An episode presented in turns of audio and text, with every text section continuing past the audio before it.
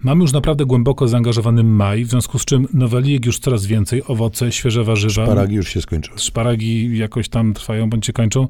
Generalnie jest pod tym względem coraz lepiej, a z drugiej strony myślimy o wakacjach, o plażach, o strojach plażowo, bikiniowo, kąpielowych, które no, mogą ujawnić nasze defekty cielesne. W związku z czym temat jedzenia bądź niejedzenia jest niezmiernie aktualny. Dlatego dzisiejszą piątkę poświęcimy książkom o jedzeniu. I zaczynamy od e, najnowszej w Polsce książki Juliana Barnesa. Julian Barnes nie chce schudnąć, w ogóle go to nie interesuje. Z dowalikami ma pewne e, kłopoty i w ogóle problemy e, z kuchnią ma poważne. Pan pedant w kuchni. Tak się nazywa ta książka.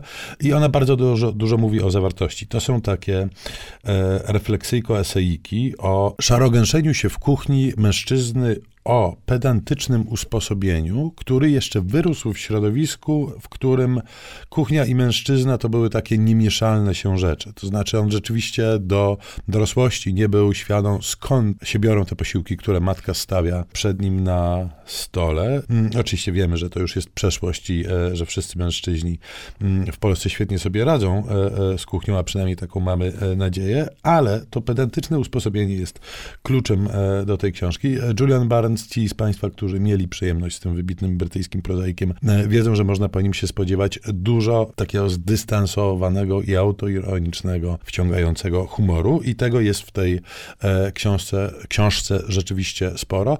On jest takim kucharzem, których ja mm, nie lubię, a którym ja na pewno nie jestem. To znaczy on nie jest w stanie wyjść poza przepis. Przepisu się trzyma jak ostatniej deski ratunku. Co do litery odczytuje wszystko, co to w przepisie napisane. No i na przykład jak znajduje informację, że należy należy wykorzystać trzy średnie cebule. To dla niego jest to problem, który e, zajmuje mu pół doby, bo musi wyjąć wszystkie cebuli, cebule z szafki, ustawić koło siebie i ocenić, która rzeczywiście jest średnia, bo tak ogólne sprawy postawienie mu nie wystarcza. To, I tego to co typu, on robi, w przepisie przypraw do smaku? I tego typu, nie, porusza wszystkie te rzeczy typu łyżka, łyżeczka, garstka w, w ogóle sprawia, że nie może zasnąć Boże. E, w nocy i tego typu problemy napotyka co i róż to, co nie znaczy, że w tej książce mm, nie ma całej masy informacji e, ciekawych i zabawnych dla e, niepedantów. Jest tam troszeczkę takiej kuchennej erudycji literackiej. Ja może od razu, bo takiej książki nie da się zaspoilerować, od razu powiem, co się wydarza na samym końcu. Wydarza się rzecz, która mnie zaskoczyła. Otóż żona, co Państwo być może wiedzą, dla mnie było to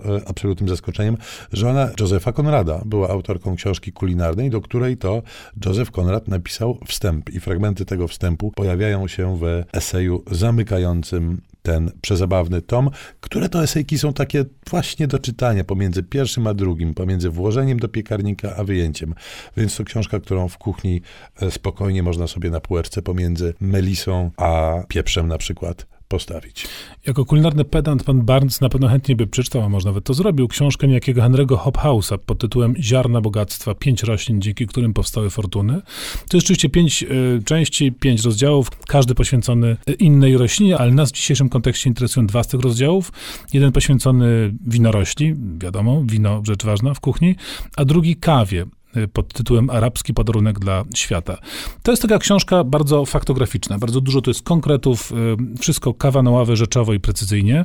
Nie ma tu jakichś literackich uniesień czy specjalnych ozdobników w stylu, tylko rzeczywiście wszystko podane rzeczowo, ale bardzo interesująco, y, od takich jakby zupełnych początków, bo w przypadku kawy dostajemy taki wręcz małe kalendarium, kiedy kto o niej pierwszy napisał, no wiem, że Avicenna na przykład około roku tysięcznego, myśmy tutaj ledwie jakąś pierwszą koronę sobie załatwili, a tam już w świecie arabskim rozpisywano się na temat właściwości kawy, ale dopiero 500 lat później kawę zaczęto pijać w takiej właściwej formie, jak to dzisiaj robimy, bo wcześniej to była taka bardziej zupa, y, lekko gęstawa z ziarnami rozdrobnionymi w środku. Z kolei z winem również to wszystko jest podane bardzo interesująco, bo oprócz takich ciekawostek właśnie praktycznych związanych z produkcją i właściwościami wina, no, dowiadujemy się takich rzeczy najbardziej podstawowych, a, a mianowicie takich, że w czasach odległych jedynie, jedynie napoje sfermentowane dawały pewność, że żadnego paskudztwa w tym tym nie ma. Picie wody bywało dość niebezpieczne, choć dziś brzmi to dziwnie, e, więc wino stanowiło e, po prostu konieczność taką bytową dla większości ludzi żyjących e, w ówczesnym świecie, gdzie wino rzecz jasna produkowano. Więc tutaj inspiracji kulinarnych dużo nie ma, ale możemy wtedy wziąć ten nasz kieliszek nawet średniej jakości wina i popatrzeć na nie z taką zadumą, że oto kryje się w nim naprawdę wielka historia i wspaniała tradycja. Teraz krótka przerwa na cygaro czy inną odsapkę, a zaraz wracamy z kolejnymi daniami.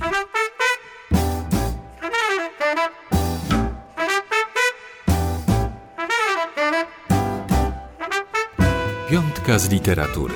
Polecają Szymon Gloszka i Tomasz Pindel. Serwujemy dzisiaj pięć książek o jedzeniu, tudzież o niejedzeniu, jako że nowaliki, jako że sezon letni przed nami. A teraz kolejna propozycja.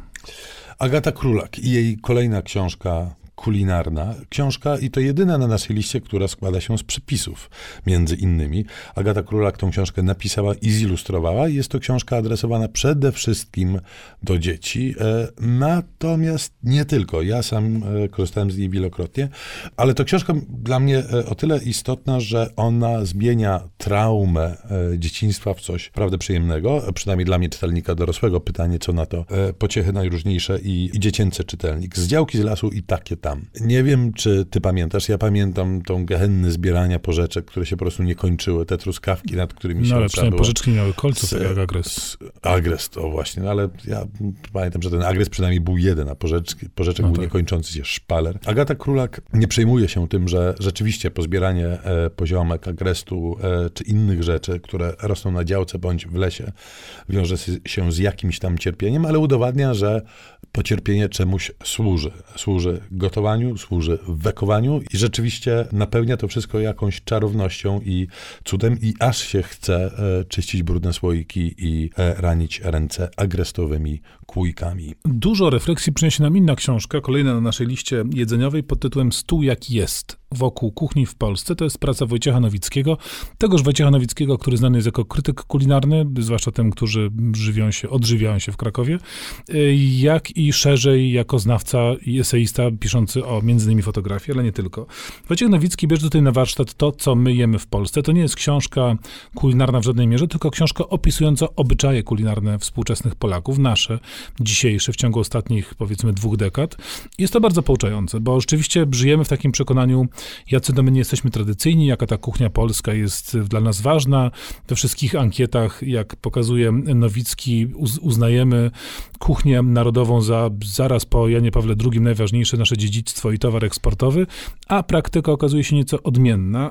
Jemy inaczej, jemy w sposób daleki od tego, co kiedyś było zwyczajowe, jak i również przede wszystkim jemy taką polsko-włoską kuchnię, co tam Nowicki w tej książce bardzo klarownie unaocznia. I na koniec książka, która nazywa się następująco. Jak schudnąć 30 kg?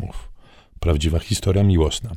E, Tomasz Pstrągowski, Maciej Pałka są e, autorami tego komiksu i e, od razu tłumaczę. Otóż chudnięcie o niebagatelne 30 kg nie ma nic wspólnego z ilością konsumowanego jedzenia, a z miłością, tudzież jej brakiem. Więc proszę się dietami nie przejmować i rzeczywiście zająć się swoim własnym życiem emocjonalnym, jeżeli myślimy o naszej sylwetce. Książka ta jest książką dość wstrząsającą, mimo fikuśnej okładki, e, bo jest no, taką konfesyjną opowieścią o miłości trzydziestolatka do piętnastolatki, miłości internetowej, miłości niezrealizowanej, miłości, co do której e, jak gdyby od początku i z jednej i z drugiej e, towarzyszą bardzo ambiwalentne, dwuznaczne, czy wręcz jednoznaczne odczucia ohydy i samo zaprzedania się Bóg wie komu. A już Szymon, miał być o jedzeniu, a ty znowu miłości. Pozdrawiamy. Szymon, e, jedzący głównie, umówmy się, Kloska. I Tomasz z apetytem Pindel.